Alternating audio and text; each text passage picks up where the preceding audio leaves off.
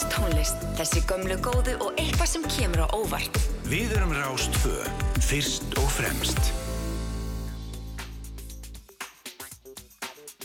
Já, komið þið sæl. Þá leggjum við að stað hér á Rástfö. Ég heiti Felix Bergsson og þetta er þátturinn fram og tilbaka. Og ég held að þið hafið þarna í þessari stiklu áðan verið að lýsa þættunum eins og hann er.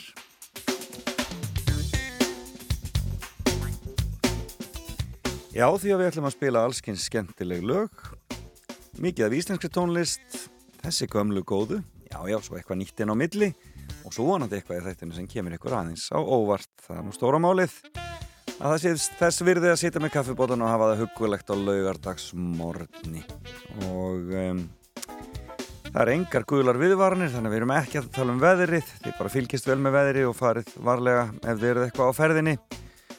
Núna um helgina en um, er, maður er alltaf gladur þegar það er ekki gul viðvörun þegar maður opnar viður.is en gestur minn í fimmun í dag er ung kona eh, hún heitir Guðrún Hildur Ragnarstóttir og hún er ekstra stjóri Sölus við sjá Kontróland en hún er jafnframt fyrirlesari um inngildingu og fjölbreytileika hjá fyrirtækjum og ég heyrði hann að tala núna í vikunni og var svo hrifin að ég ákvaða bjóðin að koma til mín í þáttin hún ætlar að koma til, á, til mín í, í fimmuna og tala um fimm upplifanir. Og það verður áhugavert að heyra eitthvað Guðrún Hildur hefur að segja okkur. Og svo í setni hlutunum þá ætla ég nú bara að einbæta mér á söngvakeppninni sem byrjar í kvöld. Og ég ætla að spila laugin 5 sem keppa í söngvakeppninni í kvöld og reyna að frista þess að fá miðan inn í úrslitin. Þetta byrjar sannst allt hjá okkur í kvöld í söngvakeppnishöllinni inn í Gufunesi og ég veit að margir eru orðni spendir og uh, þannig að við ætlum aðeins að spila laugin og uh, aðeins að hitta upp í þessu öllu saman hér í fram og tilbaka. En það verður eftir nýju. Já og svo er það bara eins og ég segi e, tónlist og ég reynir svona yfirlegt að finna eitthvað sem ég hef ekki áður spilað hér e, sem fyrsta lag dagsins og e, ég fann lag með honum fyrir ekki dór söngakefnislag og þau eru nokkið mörg en þetta lag er auðvitað í síðasta skipti. Nema hvað að þarna er það óramagnað og frá því árið 2015 þegar hann kefti kefninni úr Studio 12 og það sem meira er það er sungið á ennsku þarna. Eða að rifja upp hvernig fyrir ykkur dóra ætlaði kannski að flytja í síðasta skipti ef það hefði farið til útlanda? Remember the day Walking together down memory lane Wondering what could and what should have been. Remember, remember that day. I remember the light of the blue moon The smell of your perfume The taste of your lips and the touch of your hand let me hold you once again. We'll stay up for hours like when we first met. And I'll bring you flowers in violet red. And oh,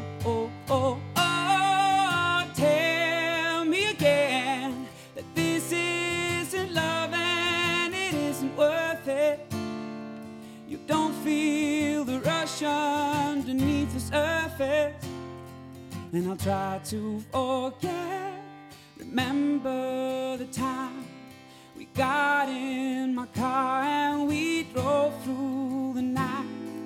Radio on and you knew every line. Remember, remember that time.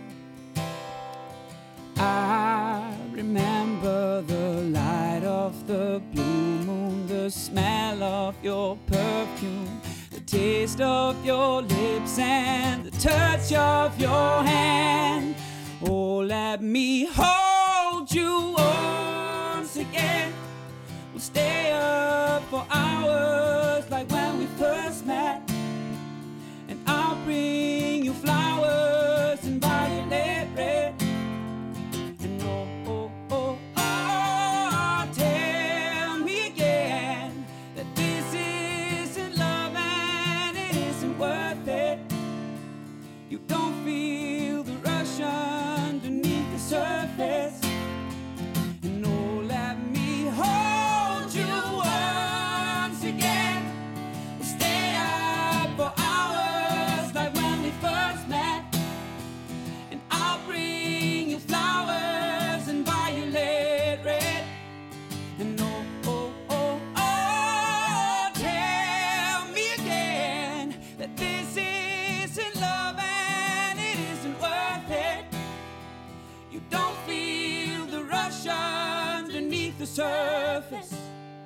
and I'll try to forget.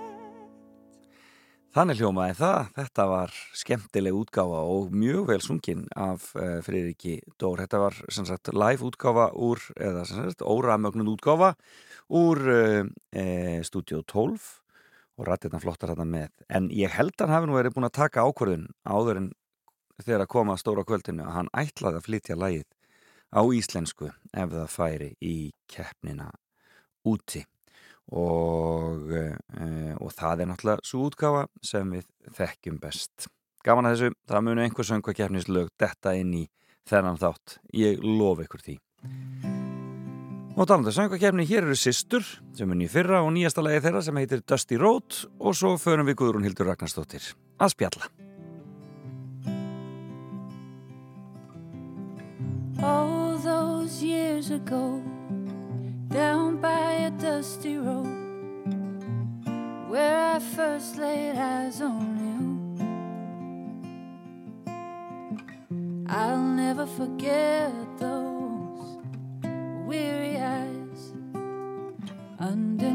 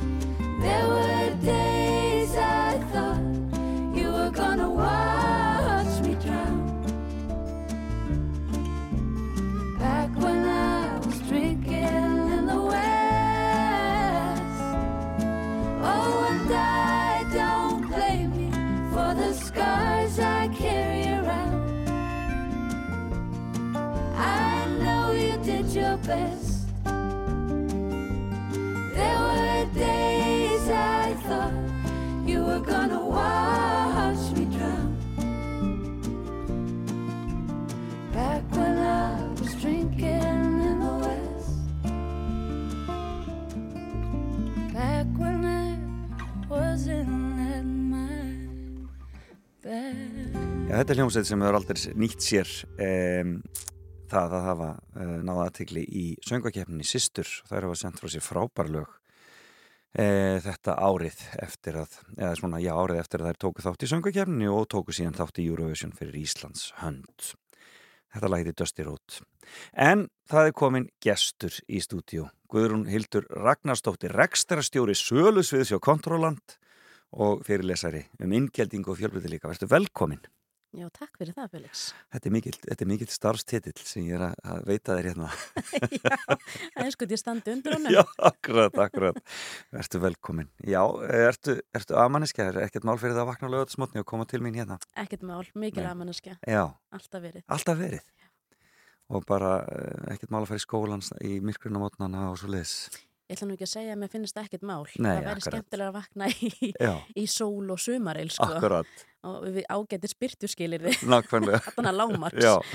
En, en nei, ég vakna yfirlt í kringum svona 6, millir 6 og 7. Já, það er bara svo liðs. Og nærðu þá að vinna eins fyrir, eða svona ferð að vinna þá, eða ertu bara svona til að koma þér í gang? Já, svolítið svona komur í gang, mæti yfirlt í vinnu um 8 Já. og, og ég er svolítið svona að byrja snemma Já. og reyna að hætta þá frekar um fjögur, sko. Já, akkurat. Já, náttúrulega, já, já, það sena fjölskyldunni. Já, Það er, það er mikilvægt. svo náttúrulega tekur svona klukkutíma próss að koma þryggjára út úr húsi, sko. Já, akkurat. Það, það þarf að ákveða, ákveða fötin og svona. Er hún, hún, er, hún er mjög ákveðin og því hvað hún vill þá eða hvað. Já, hún er ákveðin hvernig hún vil byrja daginn, hún er líka amaneskja, Já. en, en hún, þarf að, hún þarf að fá stjórna því hvernig, hvað Já. gerist fyrst. Einmitt. Kannski er það að- borða, kannski er það að, eh, kúra, kannski er það að fara í föt. Man veit aldrei, Nei, þetta er alltaf óvissudagur. En þeir leifið því að gerast. Já, Já, er, þá, annars getur allt farið á kvolf. Það, það sem gerist, það stundum er þetta þannig. En uh, þú ert með fimmu handa mér já, og uh, þú sagði mér á hann að það veru upplifanir. mikið rétt. Uh, hvers vegna fórstu þangað? Herri, ég var rosalega mikið að hugsa svona hvað hefur haft áhrif á, á líf mitt og, uh, og það getur náttúrulega verið bara öll flóran en einmitt. svo þegar maður reynir aðeins að, að narra þetta niður að þá, þá kemur kannski yfir á svona uh, svona stærri þætti Já. sem hafa kannski haft mestu áhrifin Já, og þá hugsaði ég að það myndi þá bara vera upplifun í staðin fyrir staðir eða Akkurat. lönd eða eitthvað slíkt Akkurat. Vil ekki bara byrja fyrstu. bara, hver er fyrstu upplifunin sem að svona kemur upp í hugan? Heyrðu, fyrsta upplifun og þetta er kannski smálíki sögulegu Já, samhengi einmitt. er að uh, þegar ég var yngri Já. þá hérna uh, voru já, það er kannski gott að koma inn á það við erum ætleitt hérna nokkur sískinin Já, í, ok. í hópnum Ok. og uh, Hvað áttu foreldrar mörg, sískinni? við erum fimm í heildina Ok. en við erum þrjú ætleitt Þrjú, ok. og uh, það var þannig þegar ég var yngri að á þessum tíma, ég fætti 85 Já. Að það var, uh, það var vandamál með bakkus í minni fjölskyldu Já, ég skil. og, uh, og á einhverju tímpúnti þá skilja fóldra mínir Mm og uh, þau geta hvorugt í raun og veru verið með okkur. Þannig að við förum í raun og veru fóstur, ég og bróði minn, þá eru hinsiskin ekki komin, til, komin inn í myndina Komið til skjálana? Nei. og uh, við förum í fóstur til ömmu minnar, föður ömmu minnar Já, já, já. og það var, við vorum svo lítil, við vorum bara tveggja, þryggjára, ég, við vorum í raun og ekki til leikskóla þessum tíma Mm en uh, amma var sérst að vinna hérna hlutastarfa veðustofinni já þannig að já. við vorum allt bara með henni og ég var að velta fyrir mér sko, ég hugsa oft um þetta þegar að ég lappi við klambratún með mína dóttir þá er ég að drepast við að, að, hérna, að vera með snjóþutun og stelpuna mín að draga hana sko, þvert yfir Já. en henni fannst ekkert mál ömmu mín að draga okkur tvö á snjóþotu. þvert yfir og upp á hérna á sko. já, en, en þetta var svona hvað sem, það sem hefur svona áhrif á lífið er að þarna upplifum við rosalega mikið öryggi. Já, og, og öryggið við það bara og svona væntumþykju og það var alltaf allt mjög örugt, það var alltaf Já, til matur. já. það var alltaf búið um, búið um okkur og lesið fyrir okkur sögu, fara með bænirnar. Nú er amma mín fætt 21 sko. Já, og hún reyndar farin en, Já. en, en, en þetta var svona, þetta var allt svona þú varst bara í einhverju svona þetta er bara svona vani, vani við duttum inn í venjunar hjá ömmu. Já, fórum við sundan mótnana klokkan sjö í stundum til Reykjavíkur. Stundum fór hún án okkar, ég var svona hugsa út í eftir Já, já. hún hafði bara að skilja okkur eftir heima menn hún fór og tók hérna sundsbrett. En þetta var alltaf svona rútína. Og svo fórum við upp á viðstofu þegar við áttum að gera það og, og það var alltaf svona og, þú, heimilismat og mannst eftir þessu? Já, mann eftir þessu rosalega vel. Svakalega mannstu vel aftur? En þetta var, þetta var bara svona ótrúlega góðu tími. Upplifunin öryggi bara. Óbúslega góðu tími, já, þannig að, en hvað, ertu gömul þegar þú kemur þegar þú kemur til Íslands? Ég kem til Íslands sko þau sækja nú er bróðið minn líka frá Sri Lanka eins og Já, ég ok. uh, það er mánur á milli okkar tveggja. Já, en ég er fimm daga þegar þau sækja mig til er já, ert Þannig ég er bara nýkomin út, sko. Já, Já. Og svo eru þau þarna einhver tíma, veit ég, svo Mhm. ferðast þau náttúrulega tilbaka. Já, En á þessum tíma þá byggu við, eða byggu þau á Horbjörgsvita, þannig að leiðin var lung að Já. komast á leiðarenda, sko. já, þannig að þú ferð bara rétt, úr, rétt nýfætt beintina út á, á hotpjásvita frá Sri Lanka. Þetta er náttúrulega ótrúlegt ferðalag. Á nyrsta stað landsins, sko. Nýstast að landsins. Já. Hva, og það, var, það var það bara fyrsta árið þá eða eitthvað svoleiðis? eða? Já, ég held að það hafi verið svona fyrsta árið eitthvað Já, slíkt, sko. einmitt, já. Það var ekki langur En Þú tími. mannst mér skust ekki eftir því. Nei, Nei, það er vist alveg á hreinu. Já, öryggið er eitthvað sem að er, er upplifun sem að þarna, við öll þurfum að, að, að finna. algjörlega. Þannig að það, er, það, kemur þarna. Þannig að hvað varstu lengi í fústri hjá föðuramöðinni?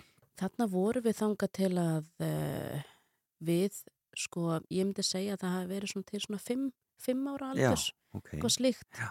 Því að uh, svo flytjum við hérna alveg e, frá sérst Reykjavík og Norðumýrinni, þar sem mammin bjó og yfir á Vestfjörði, Já, þar sem að mammin giftist öru manni, Já. þannig að við fórum yfir á Patersfjörð ok. og þar voru við í, í fimm ár cirka. Já, einmitt.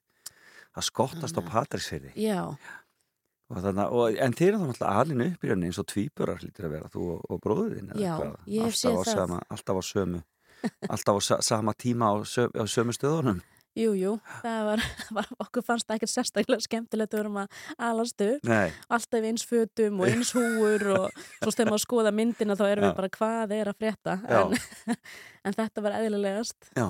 en hérna, jú, Akkurat. svolítið já, akkurat Hvað hérna, hva heitir hann? Andi Bjarni, Já. já Þetta verður skemmtilegt En hver er næsta upplifun sem þú vilt segja okkur frá?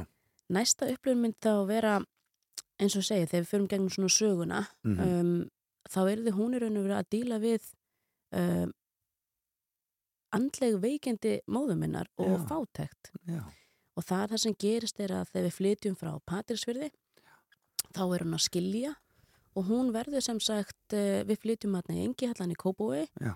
Og hún glýmir og hefur og glata tí glýmt við andli veikindi. Ok. Og, eh, og það í raun og veru fyrir okkur sem erum í grunnskóla þarna þá erum við ekkert að skilja hvað vandamáli sé. Nei, akkur fer konun ekki bara fram úr rúminu og akkur fær hún sér bara ekki vinnu og, og hvað er vand- vandamáli sko. og ég hugsa að þarna upplifir svolítið svona það er svona óöryggi, já, rosa mikið óöryggi. Það er, það er aldrei til matur sko, og það er svona hvað getur maður sagt, þú veist ég sagt það að ég skilji yngu sæland rosalega vel já, þegar kemur að hennar málefni vegna Já. þess að uh, mammin var þá hann öryrki Já. hún var glíma við þunglindi og það kom alveg fyrir að, að uh, hún kom ekki heim Já. og við vissum ekkert hvar hún var og þeir eru 10-11 ára gömul já, við erum tíma. 10-11 ára gömul og, og alveg út grunnskólan sko, Já. þá dettur hún stundum bara svona út sko.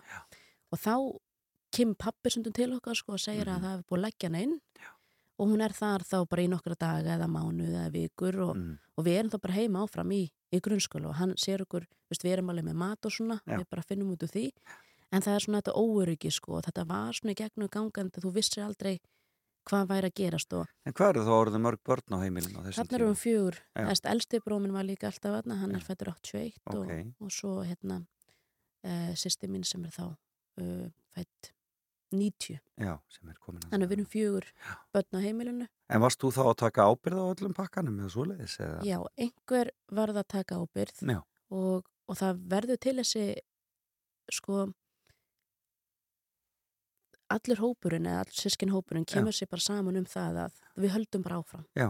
og svo verður maður bara að, að finna út af því hvernig við uh, arrangerum peningum til að kaupa mat og annað sko. Já, ég sumi vildi náttúrulega bara fara að kaupa pítsu og, Já, og þá var peningunum búinn og eitthvað svona.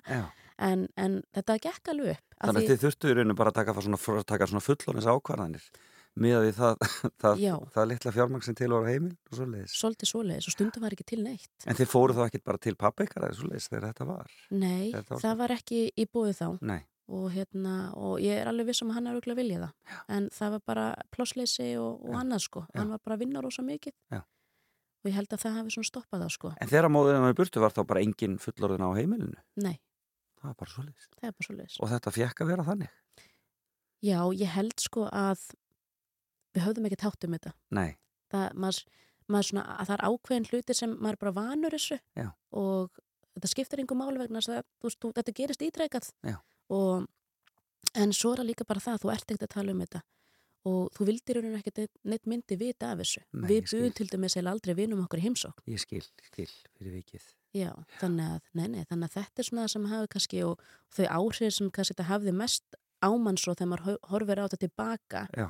er að núna skiljum við að sjálfsögðu veikindin og við skiljum að þetta hafi ekkert verið, hún hafi örgulega verið gerist besta Nákvæmlega. Og, og þetta, en það besta var kannski ekki nógu gott, enga Mhm, síður mhm. en, en hún gæti ekki gert betur Nei. þannig að maður getur ekki álaga svo henni eins og við vorum kannski að gera þarna. Já, Um, svona leiðin inn í unglingsárin og, og skildu þetta ekkit alveg. Nei, og, og við gáttum aldrei farið í ferðalög með bekknum eða Já. stunda íþróttir, þá var ekki komið þetta sama prógramur núna Akkurat. og, og svona, þannig að þetta var, þetta var náttúrulega lita svolítið af þessu, Já. en það sem þetta fekk mann líka til að hugsa um, sko, þú veist, er að við ákveðum að við ætlum aldrei að lendi þessari stöðu Já. og við ætlum aldrei að skrifa upp á fyrir einhvern, við lærum það líka fljótlega. Já, akkurat. Það verður ekki, það verður ekki, En- nafn mitt fyrir ekki að þannig viksil. Nei, nefnilega. Já. Þannig að við lærðum það fljótlega að, hérna, að við ætlum ekki lendi þessar stöðu þannig að við fórum rosa vel með tekjurna sem komu inn og, og það kemur þannig þú veist að við fyrum í mentaskóla, ég og bróminn flytjum reyndur út höfum kringum 17 ára, Já. förum að leia og erum í mentaskóla með Kóboi. Og við förum síðan hérna, síðan eh, útskrifast ég og, og hann fer eitthvað út sko, það fer eitthvað að, að, hérna, ferðast erlendis bróminn og ég hérna stend svolítið svona á er svolítið svona, við segjum upp leiðun og ég er smá svona heimilisleis svona um tímabil ekki Já. alvöru heimilisleis en ég þarf að finna mér stað þannig ég var hjá vinkonu mínum og svo var ég smá hjá ömmu og hún var hann fullorðin þá Einmitt. þannig að það var kannski ekki alveg í bóði að vera þar endalust en ég fór að vinna og ég fór að vinna vaktavinnu Já. Vann í eitt og halvt ár cirka bara á nætuvöktum meira minna og náði svo að kaup mér íbúð. Já. og þarna er ég tvítug með íbúð Já. sem að til dæmis vinkonu mín átti ennþá heima á fóldri sínum og, og allt þetta mjög eðlilegt sko, sem er náttúrulega mjög eðlilegt. En þarna þannig að þetta, þessu upplununu hafði þau áhrif að ég ætlaði bara að berjast við það að reyna að koma undir mér bara fótunum Já, finna öryggi, húsnæði. finna öryggið í eigin húsnæði. Nefnilega. Já, akkurat, það er hann en sko um, já, þe- þe- þe- þegar þú talar um þetta sko meina, fekk þetta mismunandi á ykkur sískinin, var þetta, mismunandi hvernig þessi upplifun fekk á ykkur Já, og hva, hvað, hvernig þetta fylgdi ykkur inn í lífið Já, ég myndi segja það vegna þess að nú get ég sagt það að elsti bróðminn og yngsta sýsti mín voru mjög tengd móðu minni. Eða móður okkar og, og þau þetta er eins og fyrsta barnið og hann, hann til dæmis var aldrei með mér og bróðum minnum hjá ömmu í fóstur hann var með mömmu. Ok, þetta hann var byrjar í grunnskóla og byrjaði Östubæðaskóla og hérna en við sjáum alveg þau eru mun líkar í henni Já, í svona ákvörnutöku og það sem þau hafa gert í lífinu. Já. Heldur en til dæmis ég og, og Bjarni bróðum minn Já. við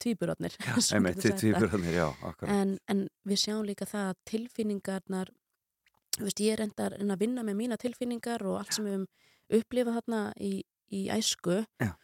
og reynda að sjá bara hilda myndina Já. en við höfum ekki öll náð því þeim Nei. svona stabileika og ég veit til dæmis að bróðum minn hann, hann er enda á pæli af hverju hlutinu voru eins og voru Já. og það er alveg tilfinningar úr sér í gangi sko. Já, og, og, og reyði þá á köplum og svoleiðis Já, og bara svona bara hann skilur ekki sko Nei, nei, en, en það er eðlilegt líka þetta kemur ekki alltaf fullkomlega eðlunar tilfinningar já, og stundum kemur þetta setna lífsleginni og stundum fyrr og, og svona Hver er þriðja upplifunin sem þú vilt segja? Herði, okkur frá? þriðjöfn, hún er aðeins skemmtilegri Já. Já, ef við förum út Nei, nei, þessu. þetta, er- mjög áhugavert uh, þá myndi ég segja að þriðjöfn var þegar ég ákvað að flytja til Danmörkur Já, og það ger ég eftir grunnámi mitt, ég var í grunnámi í HR og, og var uh, klárað það nám og, og hérna fór svo í HI í Mhm. meistaranám mm og ég var svona, hvað er maður sagt, það búið ótrúlega mikið í gangi síðustu ár og Já. mikið svona að berjast af það að svo verið HR, ég þurfti að selja sálminni til að borga gjöld, já, sko. akkurat, Og hérna- vera í auka vinnu og allt svona með, sko, og vera með húsnæði og svona. Einmitt, Þannig að þetta var tókala og svo hugsaði ég bara mér langar að prófa að gera eitthvað annað Já. og ég ákvað að taka smá svona skyndi ákvörðun og fara í skiptina já, til Danmörkur frá Já. HÍ já og þetta gerir svona í september, oktober uh, þannig að 2012 Já. held ég, þá er ég að hugsa æ, ég var alveg til að prófa eitthvað prófum að gera eitthvað annað prófa, prófa living on the edge hérna Þannig að þú ert 27 ára gömul og bara tekur stökkið. Já, Já. svolítið svoleiðis og ég hugsa bara, já já, ég ger þetta og ég fyrir að sækja um og það er náttúrulega búið að loka öllum inn að skráningum í skiptinám og ég ætla að kemur að loka undir og þau eru bara, þú ert svona hálfu ára og sein, Já. Frábært. En svo opnaðast plási í Rúk eða Roskilde University Já. sem er bara 40 myndu frá köpun og ég hugsa, herðu, já, ég tek það. Hvenær byrja skólinn? Herðu, hann byrjar í februar og ég fekk að vita í nóvumber eða eitthvað slíkt. Akkurat. Þannig ég er tvo mánuð þarna til að finna leigjanda íbúinu minni og, um, og svo bara hérna komur út Já. og ég fer hann út í, í februar 2013 held ég og, og það var við byrjaði hérna að leia herbergi eins og margir gera og, uh, og þetta var náttúrulega bara glænu upplifun fyrir mér. Ég var bara, wow, herru, ég er bara komin inn og hvað á ég að gera? Ég veit ekkert hvað ég er að gera. Þetta lærin á hérna eh, samgöngukerfið og allt þetta og komast í skólan og, uh, en þetta var bara ótrúlega stökk fyrir mig og mér fannst þetta þarna var ég svo úti, við vorum úti í átta ár. Já. og ég kynni sem sagt kærustunum minni þarna Já. Í sem sagt hún var að leia annað herberg með vinkonu sinni í sömu íbúð þannig að við höfum raunir búið saman from day one Það er bara svoleiðis. Þið sagðu það í fyrsta skipti. já, svolítið svona já, þetta er svona einkennilegt arrangement Já, engin skref, það bara fara beint í djúbulögina Þannig að upplifun er eiginlega að taka stökkið. já, Já. algjörlega og þetta var rosalega En hvað læriður, hvað læriður í HR og hvað læriður í, í, í, í, í Háskóla Íslands? Það sem ég lærði í HR var vistafræði Já. áherslu á alþjóðu viðskipti Já. Og uh, þarna var ég líka rosalega virki í, hérna, í nefndafélaginu, kannski aðeins svo virk og svo, með hérna- allir vinnunni og því öllu saman. og um, svo fór ég í HÍ og þá var, hérna, var ég að læra alþjóða samskipti já, já. já. og það var einhvern bara sama í rúk sko. Og, það, og já, helst áfram í því hérna í Roskilde. Já. Og hvernig, hvernig háskóli er í, í Roskilde? Herðu, hann var það er rosalega, náttúrulega nú er Roskilde svona konga, Einmitt, konga svona, svona, er og rosa er- og já, flott já, Og já, þetta er allra flottasta, sko. já, já og það eru uh, þarna er kent nám sem er meira svona á félagslega sviðinu og uh, það var öðruðs vegna þú varst í kringu svo mikla náttúru Já. eða, mikla, Já, vildur já. sagt að það hafi verið gras og hérna já, já. engin fjöll en en það var öðruvísi En og, það er strönd þarna líka og svona. jú, jú, og, og það var uh, svona mikið svona meira svona afslappari stemming Já, heldur en inn í mér. kaupmannu. já, Já, neymitt. En þetta var ótrúlega skemmtilegt og, og núntlega er kerfislega skólakerfið öðruvísi byggt upp á engunum líka Mm og lokaverkefni. Það er alltaf lokaverkefni líku við á hverju önn. Já, Þannig að þú tekur minni kursa og svo eitt stóran kurs já, og þessi stóri kurs gefur flesta einingarnar en hann felur í sér að þú gerir skrifa verkefni annað einn eða með einhverjum öðrum og tekur svo munnlegt próf já, já. úr verkefninu. Spennandi. Mjög, Þannig að þú er ánað þarna. mjög. Ég var rosalega ánað. Nú ánað þess að endast að njátt ára. Við fáum meira að heyra af því eftir. Við skulum taka okkur smá pásu og fá eitt lag hérna. Svona bara til þess að við getum aðeins fyllt á kaffibóllana. Eh, og eh, svo höldum við. Áfram með spjalla við Guðrún Hildur Ragnarsdóttir.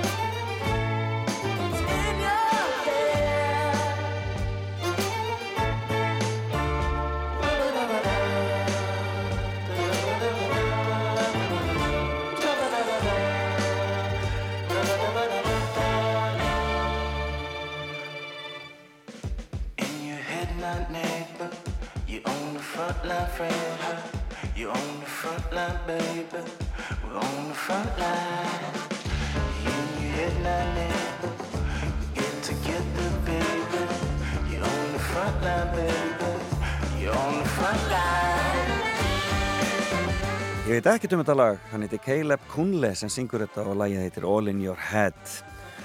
Og uh, við höldum áfram að spjalla við Guðrún Hildur Ragnarstóttir sem er með ekstra sölusviðs hjá Kontoraland við erum að tala um fimm upplifanir hennar.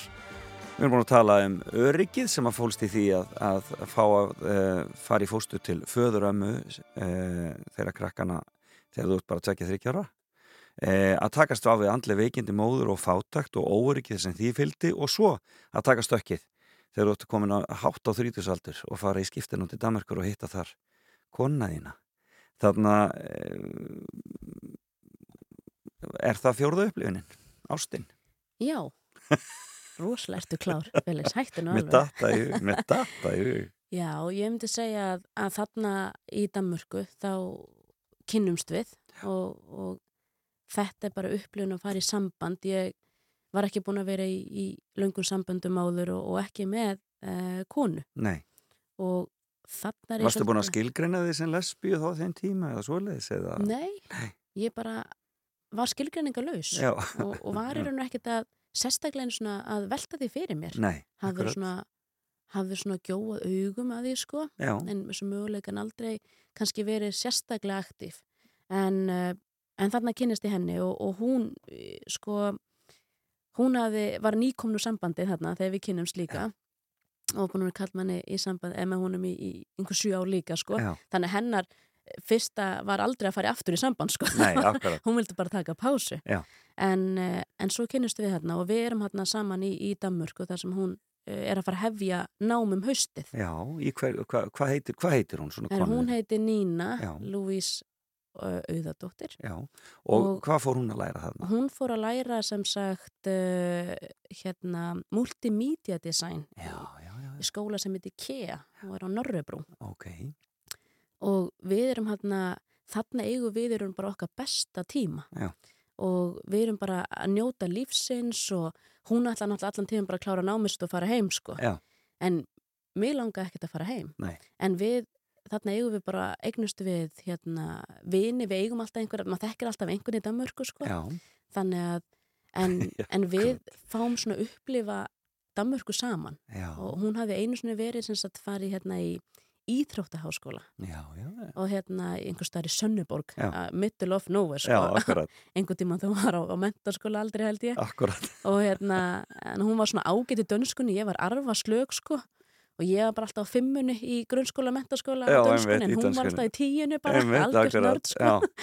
og, og þarna sem sagt, já, eru við svona kynnaskórannari og, og, og þetta verður allt svona, þetta er eins og í bíómyndi einhvern veginn, við erum að fara í tífóli saman og, og það er hérna sól og sumar, mest megnið af árinu.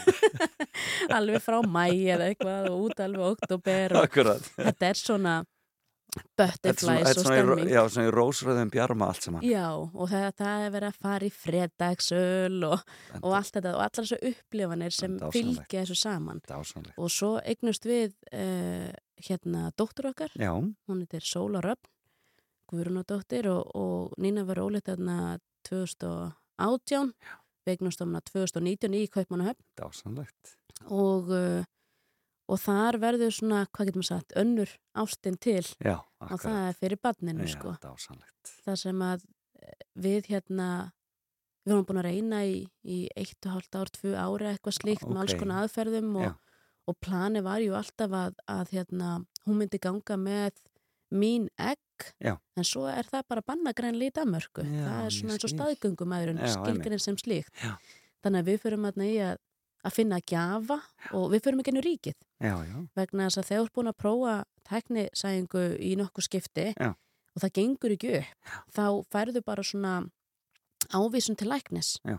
og bara heimilislæknisins Já. og hann, þú segir bara mér langar eignar spatt, hann bara frábært ég setja á lista Já. þannig að þú fer bara á bygglista og við gáttum annarkot verið í kaupmannahöfn eða farið út fyrir og við fórum til hérna Óðinsei því þar var stýttir bygglisti og, uh, og þannig að við tekur raun og veru uppsetningar hér svona já. tími Já. og uh, ég held að Nína fengi fjögur egg og það tók til síðasta, Já, hvað? eitthvað slíkt en við fengum að velja flókin, dónurinn þetta er flókin, flókin, hérna, svona prósess. Já, soldið. Og þetta er svona tilfinningar úr sér banni maður er alltaf með svona væntingar og, og svona en, en þarna sérst ég úr verður, úr kemur hans dóttir mín sem sagt og hún fæðast þarna á hérna, spítalum með Kaupmannhöfni í, í sko um, miðnætti eða eitthvað slíkt og hérna í sko hérna þrumu veðri bara, það var bara þrumur og eldingar. Já. og þarna bara svo allt inni fæ ég henni í fangi því Nína þarf að fara á skurstofuna og ég er þarna ein með hana sko. Og þá er ég bara, ætlar enginn að fara að tjekka hvort að ég geti gert þetta? Já, akkurat. get ég bara verið með hana, ætlar enginn að það fór hurfu allur herbygginu Ég sko. veit það, já, já, ég og ég held að ná henni ég bara, ég veit ekkert hvað ég er að gera en þarna verður til þessi tilfinning þar sem að þú bara, það verður svona já, hvað getur maður sagt þú, hún hverfur ekki frá þér sko. þarna ertu er bara að koma mitt, ég einstakling ætla að vernda þetta barn. Já. og, og maður gerir allt sem maður getur til þess að En þannig ertu, það. en þannig ertu fann að vinna hjá Expedia eða hvað, Já. á þessum tíma. þarna er ég fann að vinna í Expedia og ég vinn hjá Expedia alveg í sex ár úti sko. Já, um, Expedia er uh, bóknasíða já. og hérna ferðir og svo leiðis og hótel og allt það allt saman eða hvað. Nefnilega og, og þarna er starfstöðunir í Kaupíin í, í Danmörku og uh, þarna verður bara þarna upplifið við sjálfum við bara loksins eða svona á réttum stað vinnulega sér Já, og þarna eignast ég líka rosalega góða vinir sem eru bara vinir mínir í dag en þá og mín bestu ár eru bara þarna svona vinnulega Já. eh, voru hjá þessu fyrirtæki En þú ferð að vinna í, sem sagt, í rauninni í inngildingu og fjölbreytileika í rauninni, þarna hjá Expedia eða hvað, Að- og ferð að gera það strax eða hvað. Nei, ég byrja sem svona viðskiptastjóri Já. og hérna er að ferðast rosa mikið fyrir fyrirtæki og svona svo uh, verður til þessi, þessa byltingar uh, bara í heiminum eins og Me Too og Black Lives Matter og, og uh, bara alls konar Pride líka Já. og uh, það verður til svona uh, system hjá Expedia þar sem að herri, nú ætlum við að fara að gera eitthvað í okkar málum þú veist, Mhm. eru við með konur sem stjórnundur í ákveðnum hlutföllum og eru við með jafn mikið konum og köllum og Akkurat. erum við að bjóða alla velkomna inn í fyrirtækið og þetta höfðaði einhvern veginn bara í raun og veru strax til mín Já, því að ef við förum svo bara, þetta er raun og tengist hvað getur maður sagt, fymtu fymtu upplifunni Já. er að það verður til svona ástríða ok. fyrir yngildingu fjölbreytileika vegna þess að þarna finn ég mig rosalega velkomna inn í bæði fyrirtækið og fólk vill að ég stýji inn og byrja að stýra svona vinnuhópi í raun og veru uh, fyrir yngildingu og fjölbreytileika þegar kemur að dökku fólki í Evrópu, miðastöldunum og Afríku. Ok, og þannig er ég með 13 manns í, í vinnuhópi með mér þar sem við erum raun og gangi skuggum að, að, uh, að öllum líði vel. En þetta byrjar raun og bara hægt og róla sem að þessi hópar eru búinir til Einmitt. og þá er ég svo bara beðin um að verða frangöndastjóri yfir þessu yfir þessar deild getur Já, maður sagt. já. og, um, og ég finn það bara verandi kona verandi svo dökk kona og verandi svo dökk kona og gay já, og þá ertu komin hérna bara í allan hópin sko og þetta heitir og ennsku intersectionality Já. þegar þú tikkar í svona fleiri boks getur maður sagt og þetta fannst þeim rosalega spennandi í Högspítja að það væri nú einhver komin hérna sem væri með allt þetta á bakinu hérna hér. Og þetta, og þú náttúrulega vinnur þetta allt á dönskunni þannig eða hvað? Já, sko? Þetta er ennskunni Já. vegna þess að þarna er yfir, er við krossuð yfir bæði álfur og, og, og lönd Ég skil.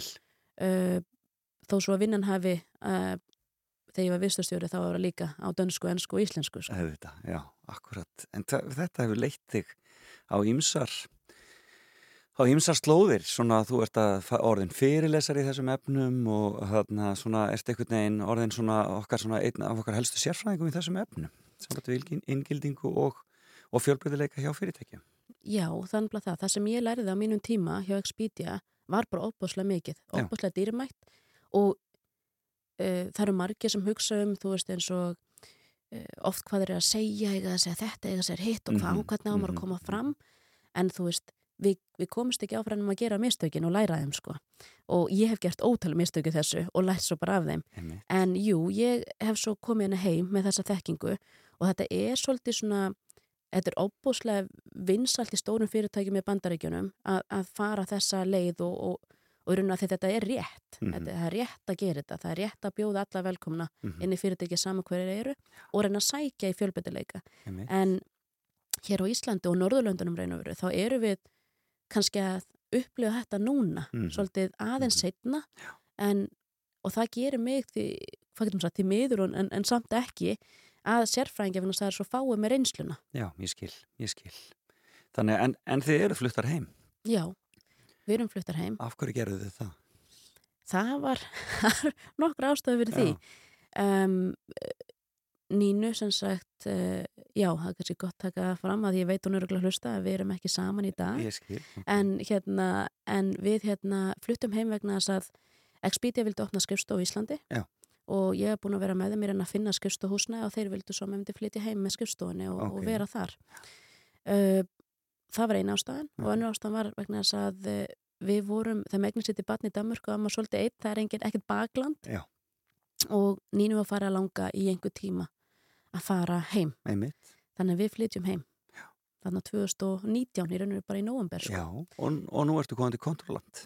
og nú er komið til kontrollant Það er, það er e, svona hið stóra, svona fyrirtæki sem að allir eru að tala um þessa dagana. Fyrirtæki sem að vex og vex og vex. Einmitt. Nýsköpun og fyrirtækið. Þetta er ótrúlegt fyrirtæki og þessi vegferð sem þeir eru að farið í, í strákarnir sko og, og hérna stopnundunir Já. er náttúrulega bara, þú veist, er náttúrulega bara ótrúleg sko og, og vöxturinn gigantískur á síðustu árum. Þetta er svona uh, spurningum sem hvernig er hægt að flytja hluti, að flytja vörur og kæla. Er þetta ekki spurningum kælingu? Var þetta ekki það sem að þetta byrjaði á eða hvað? Sko þetta snerist um allan tíman að bjóða í raun og veru svona, uh, svona gögn á raun tíma um uh, hitastig eða kuldastig semst vörunar. Já, Þannig að til dæmis þegar við tölum um, um hérna, ef við tölum bara um COVID, þetta er nú kontrollant verið mikið tengt við COVID, að hérna, þegar þú hugsa um bólefni þá þetta alltaf að vera í mínus 40 að með minnir einmitt. og það var það gangið skuggum að það hitast þig,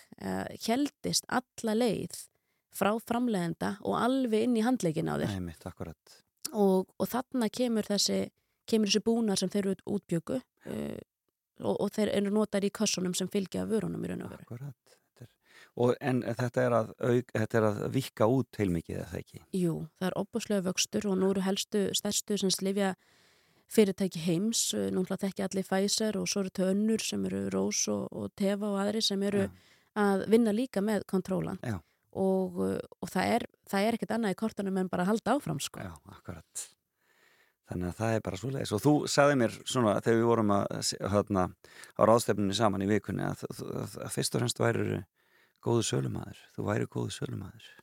Já, Og, það- og það er þar sem þú ert komin núna inn í sölu, sölu sviðið hjá kontrólan. já, núna er ég sérst að, að hérna, er ég að sinna sölun og búið til umgjörð fyrir sölun til þess að, og það kallast rauninu sales enablement á ennsku, en þetta er í raun og að gangi skuggum að söluteimi hafi allt sem það þarf all, öll tæki, öll tól og allt þetta allan struktú til þess að vera ná árangri Já. og uh, verandi sprótafyrirtæki sem kon- kontrólandi er að þá skiptir það svo miklu máli að byggja þessu umgjörð til þess að ná lengra og eins og þeir segja oft what got us here won't get us there Já, akkurat. Og, já. eh, taka næsta skrif. taka næsta skref Já, spennandi. Þannig jú, alltaf verið verið án sölu og ég var sölu hæst hjá Expedia lengi og, og þetta gerir svona automatísk sko. Og ertu að vinna í fjölbreytileika málunum hjá uh, kontrólan líka eða svoleiðis? Herðu, já, ég er með svona annan fótinn, alltaf að skipta mér af einhverju Já. sko.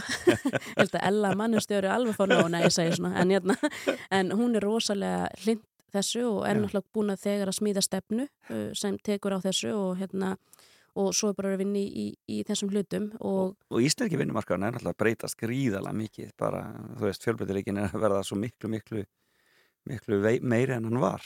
já, við náttúrulega erum orðin, þetta samfélag á Íslandi er búið að breyta svo mikið Mm við erum komið með stóran hluta af, af uh, bara fólki sem er flustinga til landsins, uh, verkafólk og aðrir sem að bara vilja prófa. Við erum með mikið stór hluta af pólverjum Mhm. og, og ótrúlega satt þá erum við alveg með, þú veist, 500 dana eða eitthvað á landinu, veist, það er alveg, það er alveg margir hérna og við náttúrulega, ég held að fyrirtæki sem líka fara að átta sig á því í svona litlu atvinnuleysi að þau geta ekkert alltaf verið að byggja bara um íslensku mælindi Íslanding Nei.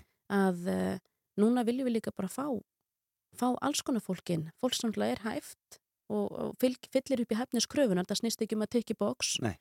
heldur snýst um að, að við leitum aðeins lengra og Já. bjóðum öllum að vera með sko Ingilding. Ingilding og þetta er það sem fyrirtækir sjá meira og meira núna að þau þurfa að fara í Guðrún Hildur, það var frábært að fá því hérna til mín í fram og tilbaka og kæra þakki fyrir að deila með okkur þessari eh, mögnuðu fimmu. Fimm upplifanir eru það. Uh, allt frá öryggi yfir í óöryggi, að taka stökkið og fara í skiptinám, uh, upplifa ástina og uh, ástriðina síðan fyrir inngilding og fjölbreytileika. Þetta var mjög skemmtilegt og kæra þakkir fyrir að koma til okkar og gangiði vel. Já, takk What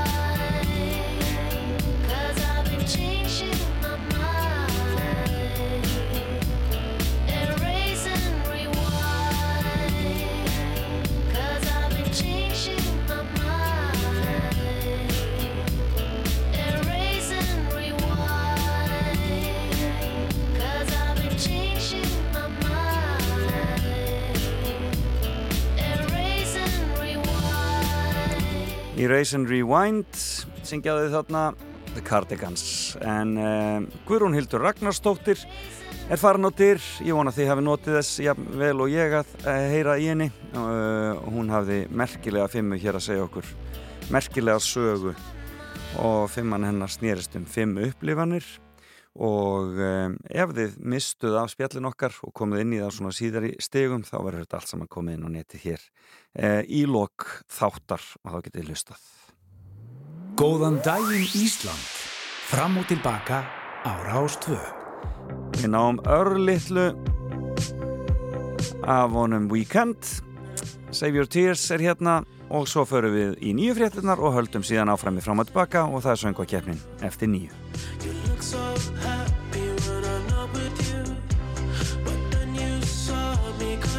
surprise. A single teardrop falling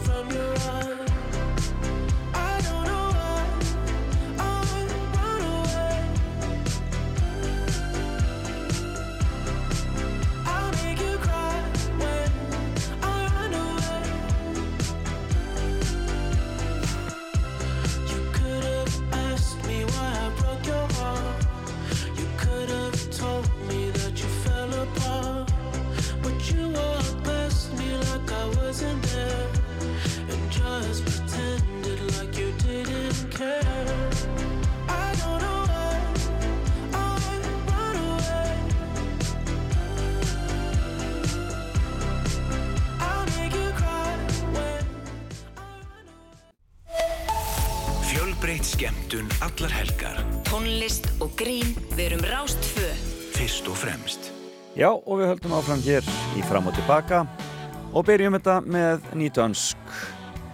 Við frábæra læruðu að ljúa hljómar hér.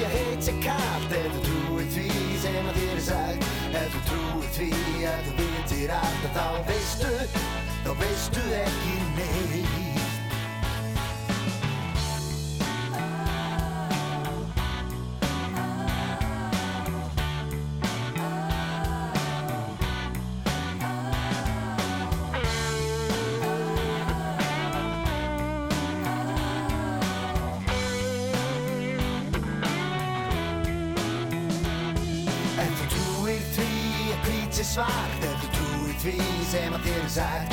Ef þú trúir því að þú vitir allt en þá veist ekki neitt. Ef þú trúir því heit sé kalt. Ef þú trúir því sem að þér er sagt. Ef þú trúir því að þú vitir allt en þá veist ekki neitt. Ef þú trúir því að hvít sé svart. Ef þú trúir því sem að þér er sagt. Ef þú trúir því að þú vitir allt en þá veist ekki neitt Trúir því að heit sé kalt Ef þú trúir því sem að þér er sagt Ef þú trúir því að þú vitir allt en þá veistu Þá veist að þú veist ekki neitt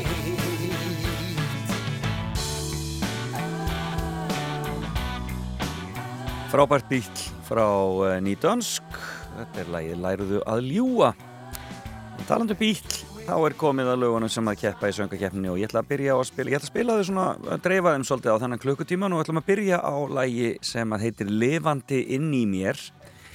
E, og það er hún Dilja og Pétursdóttir sem flytur það. Og þetta er lag sem hún samti á samt Pálma Ragnari Áskeirsinni og einhvern veginn grunar mig að þau munu nú uh, flytja þetta lag á ennsku ef það fer í úrslitin en á íslensku heitir það semst lifandi inn í mér. Og Diljá hefur vakið mikla aðtekli, ótrúlega kraftmikil og flott stelpa, mikil crossfit kona og uh, hún ætlar að flytja þetta í kvöld á sviðinu í sönga keppnis höllinni og eigum við nokkuð að hafa fleiri orðum það, heyrum hér lagið lifandi inn í mér og þetta er hún Diljá Pétursdóttir. Tilbúin að sleppa þér til að hlýða mér Þér er frjálst að fljúa hvert sem er.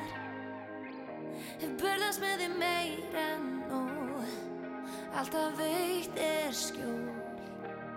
Myrkrið það er óvelkomi hér. Ég tek aftur bótið svo ég gaf þér. Þú ert ekki lifandi Þú ert bara skugga sem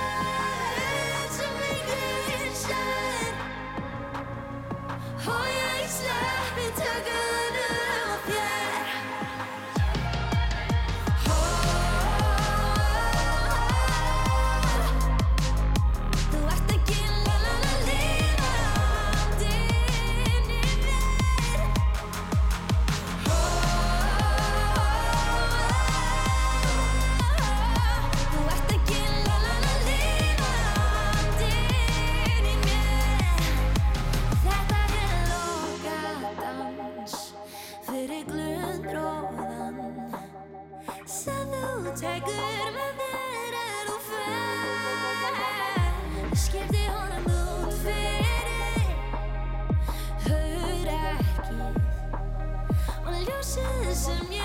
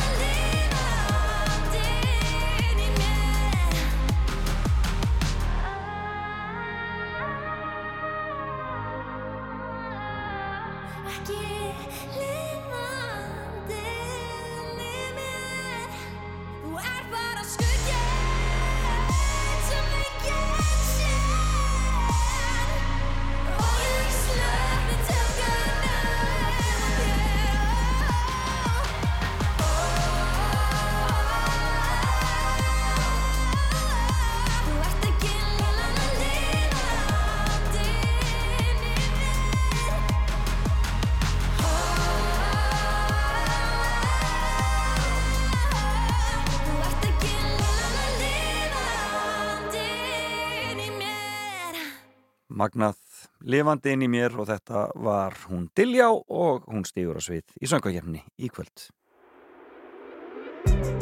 Þú ert að hlusta á Fram og Tilbaka á Rástvöðum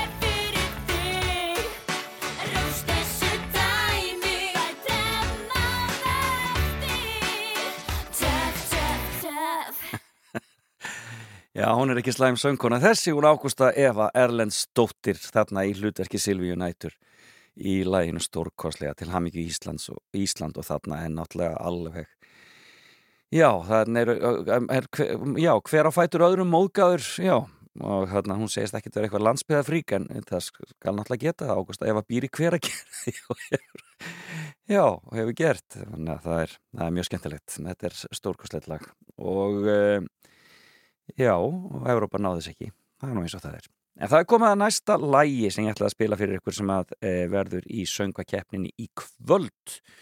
Keppist að því að komast e, í komast í e, úrslitinn. E, nú þurfum við allir að kjósa í kvöld og velja sér lagið sitt sem þeir vilja að fara áfram. En hann heiti Benedikt sem flytur þetta lag. Benedikt Gilvarsson.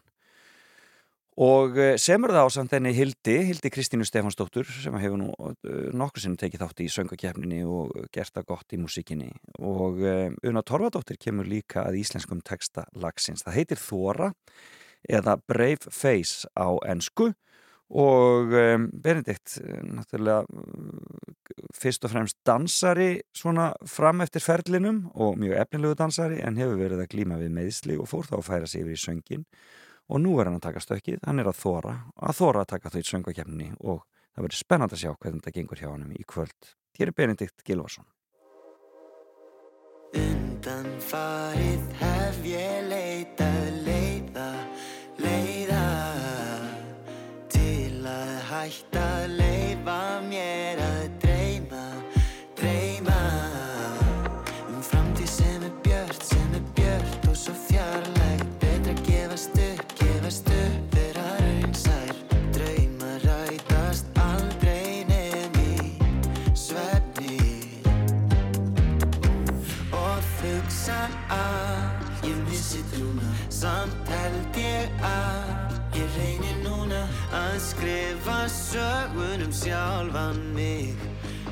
og ég vil. Ég þarf bara að þóra til fyrsta skrefið. Ég veit að verða fleiri.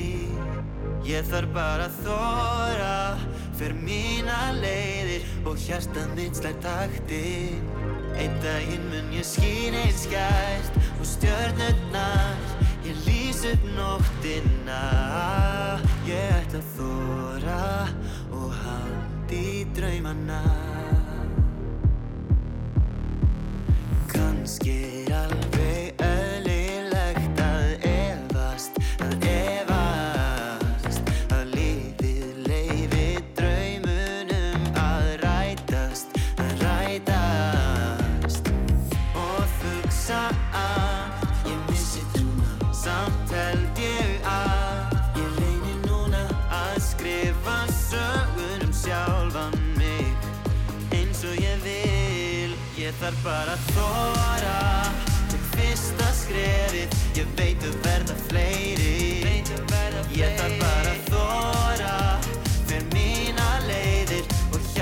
mistar taktir Einn daginn mun ég skín eins skært og stjörnurnar Ég lýs upp nóttina Ég ætla að þóra og haldi í draumana Það gæti tekið ár og kannski var ég sár En lítill nýsti kveikir bár Með eldin inn í mér Til stjarnana ég fer Þar sem allur heimurinn sér. Ég þarf bara að þóra Tek fyrsta skrefið Ég veit um verða fleiri. Ég þarf bara að þóra Fyrir mína leiðir Og hjarta mitt sær taktinn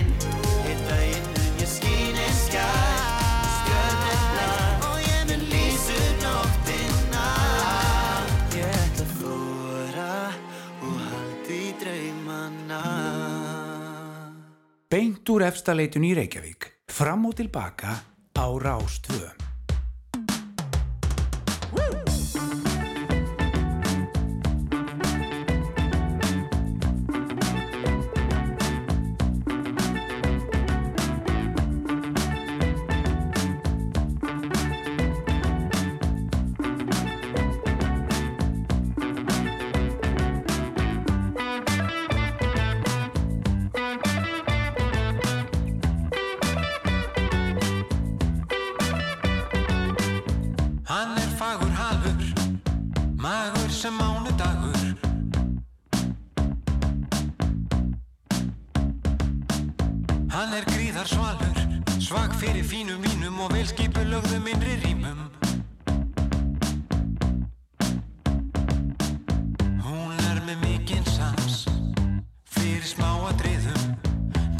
Vilt að dansa, allra kynnslóða, polka, ræl og valsa.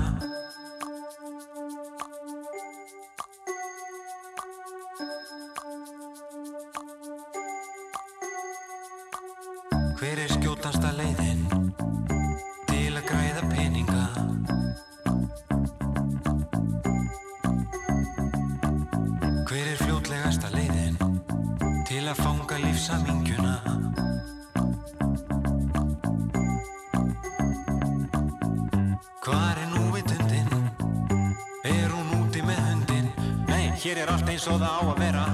Allir út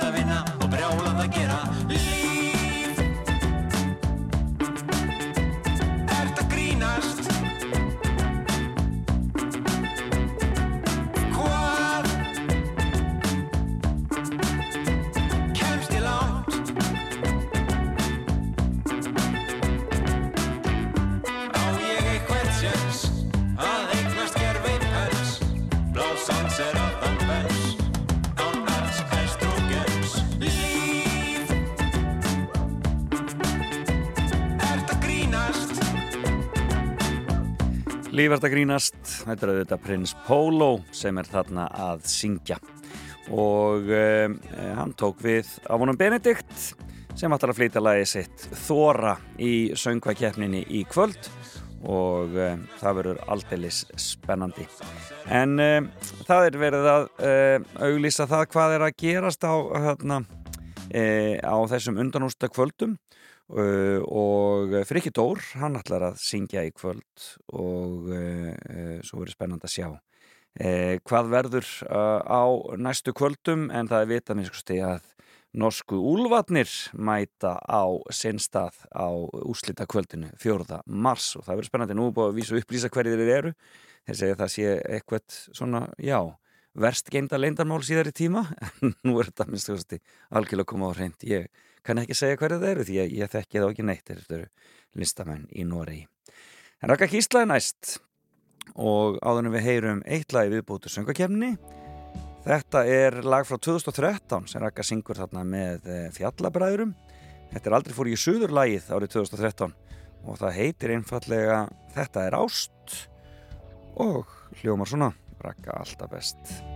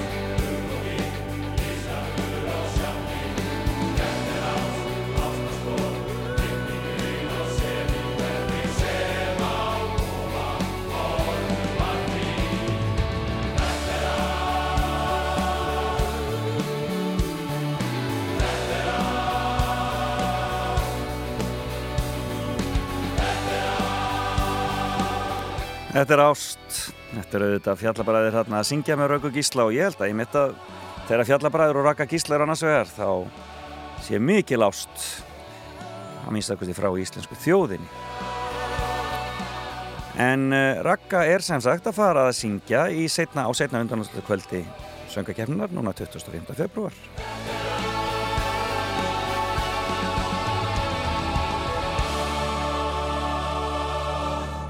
Það verður gaman að sjá það. En eh, já, Freykitór í kvöld en á uh, loka kvöldinu, úslutu kvöldinu verða Söpúlfer eins og áður hefur sagt norsku úlvatnir. En það er komið að næsta lægi sem að, e, þetta er þriðja lægið sem að keppir í kvöld og hann heiti Bræi Bergson. En nú ekki bróðu minn en, en við erum voða líkir. Eh, hann eh, hefur dvalið í Svíþjóðundaförn ár og eh, kemur heim með þetta lag og hefur samtið það með frábærum höfundum út í Svíþjóð. Og það heitir á íslensku stundum snýst heimurinn gegn þér og ennsku Sometimes the world's against you, korki meirinni minna. Og já, eigum við nokkuð að hafa fleiri orðan það, hér er Brægi og lagið sem hann allar að syngja sögakefnin í kvöld og það verður spennand að sjá hvernig þessu lagi á eftir að ganga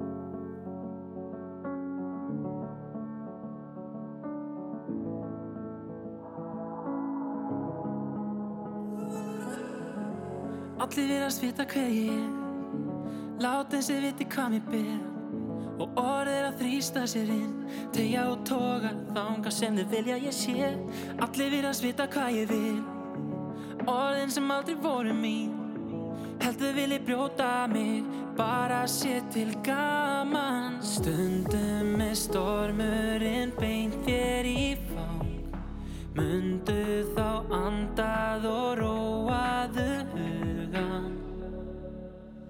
Hvernig sem fer Þá er ég hér. Gefst ekki upp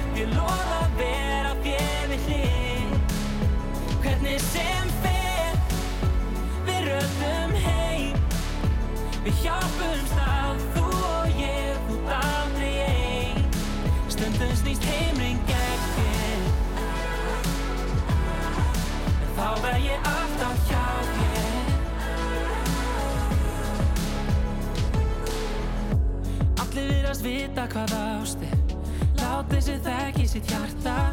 En öll sem við lefumst við. Mætt og buð Þorum ekki að byggja um hjálp. Þó við þjáumst og grátum En ég vil ekki vera eins og aðrir. Því þegar þú ert mér við hlið Er lífið miklu betra. Stundum er stormurinn beint þér í fang. Mundu þá andað og Hvernig sem fer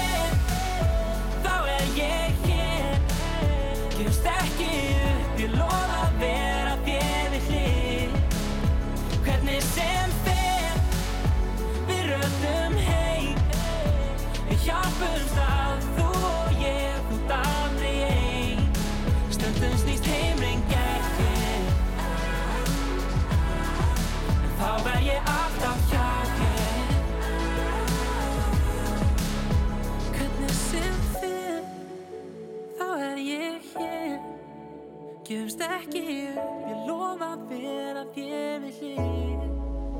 Hvernig sem fer Við röndum heim. Við hjálpumst að þú og ég Þú aldrei ein. Stundum snýst heimring gegn þér Þá verð ég alltaf hjá þér Þá verð ég alltaf hjá þér Beint úr efstaleitinu í Reykjavík. Fram og tilbaka á Rás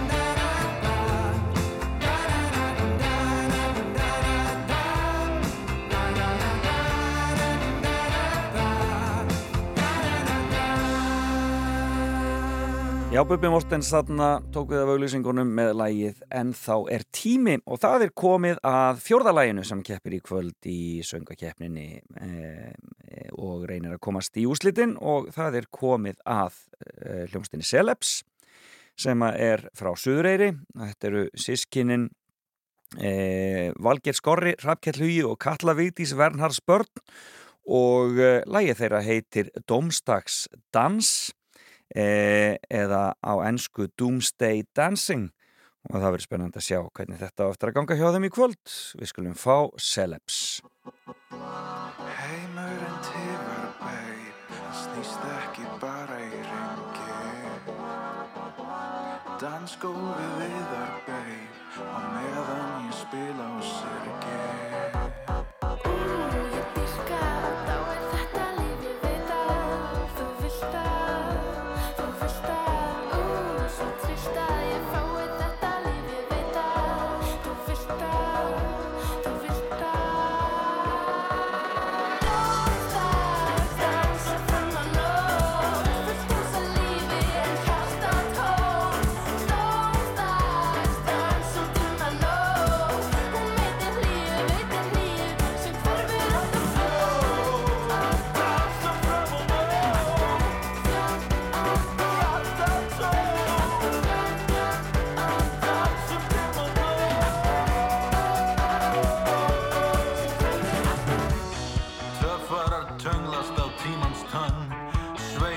sannleikan og sagan er sönn.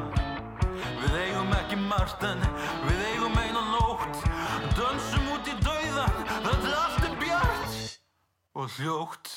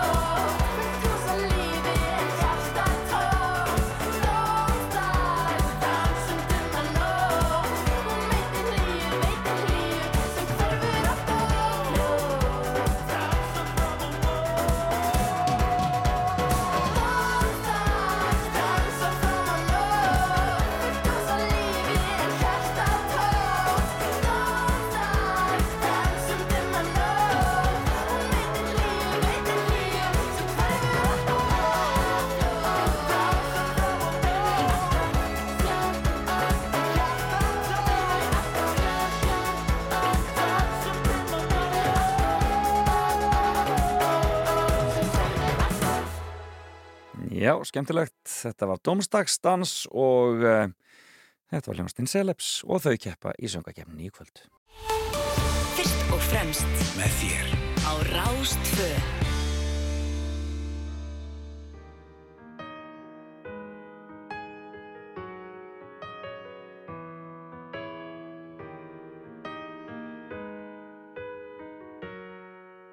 Í brjósti mér brennur vonum betri tíðir óska mér og svo ósk fær óðum lífin sama hvert litið er. Þar byrtistu mér og ég sem á þín reyfa hraði rödd sem stakkar oft og brýtur sig inn í hjörtu og hug fólk það lifnar við fölnuð ást ef við höfum há.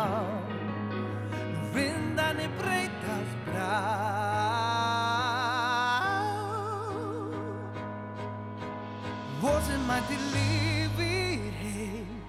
stormi stundum öll til mig.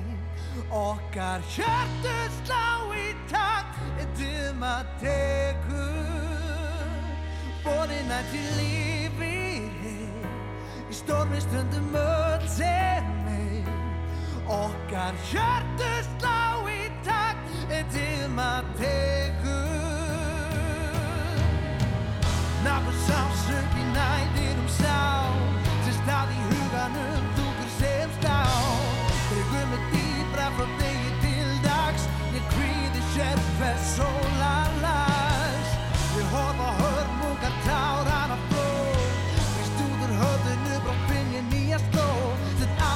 þennan stóð Það byrti bráðum til Nú horfi ég fram á við. Og sem mætti lífi heim Í stormi stundum öll til mig Okkar hjertu slá í takt Eittum að tekur Nú voru að huga mínu mín Og framtíðin er aftur skýr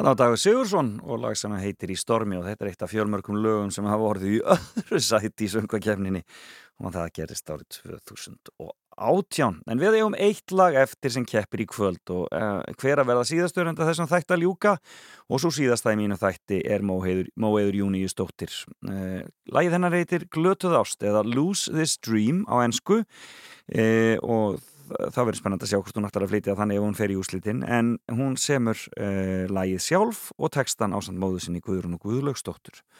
Og eigum við ekki bara að heyra hérna glötuð ást móu og eins og ég segi það verður spennand að sjá hvernig hún stendur sig á sviðinu í söngvakefnishöllinni og í sjónvarpinu í kvöld.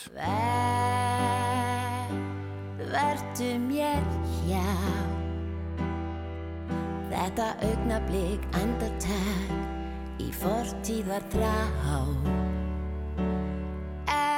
Ekki segja það sem ég ætti að sjá. Leindamáli þinnir sá sem heldur mér frá. Særð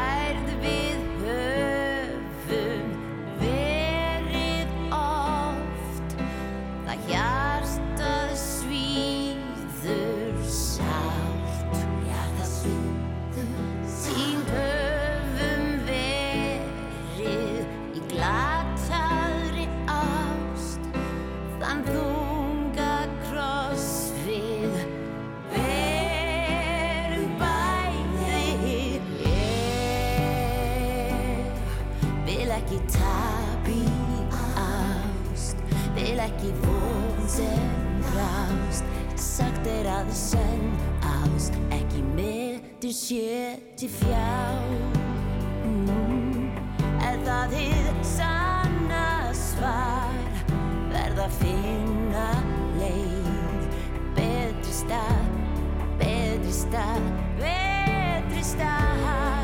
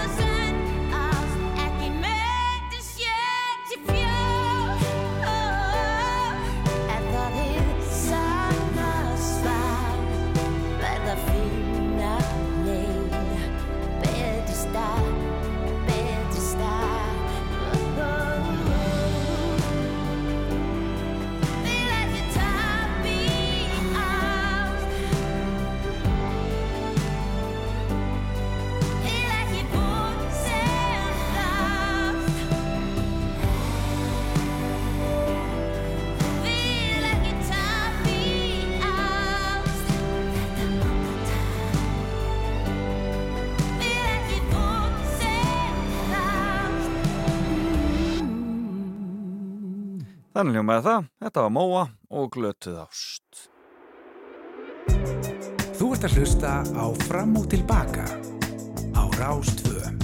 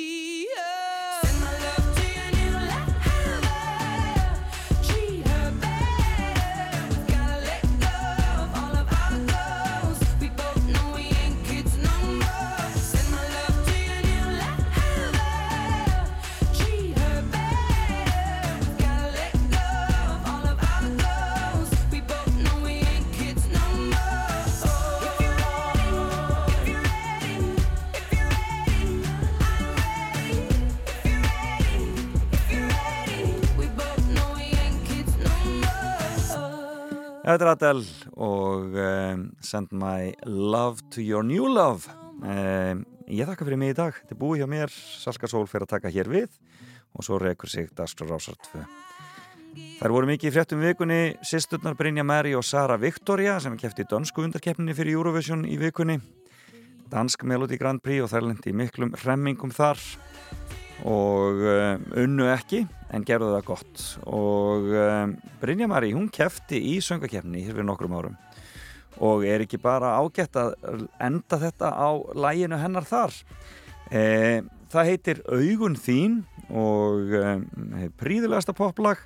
Og þannig endur við fram og tilbaka í dag, dag og heyrjumst aftur eftir viku og sjáumst í sjónvarpin í kvöld þegar söngakeppnin fer í gang. En takk fyrir í dag og bless bless Augu sem ekki sjá Þau eru svo full af þrá Stundum er styrk og þinn Stolti sem vel í finn. Augu þín eru blá Yðandi til og frá. Fullkomi friðurinn Flæðir um huga minn. Stundum eru þau alveg tóm Eins og þau hafi hlotið dóm. Lífið er lag sem alltaf ómar Um yndislega blóm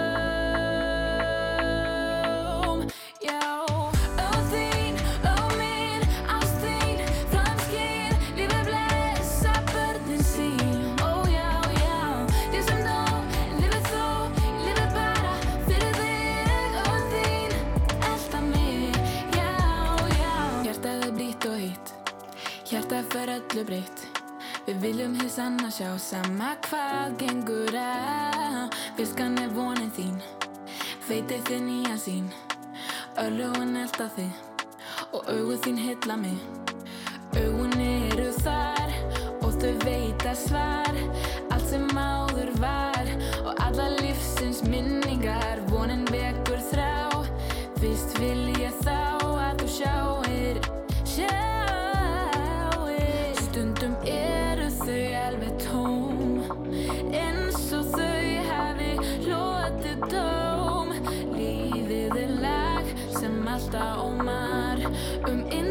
blood.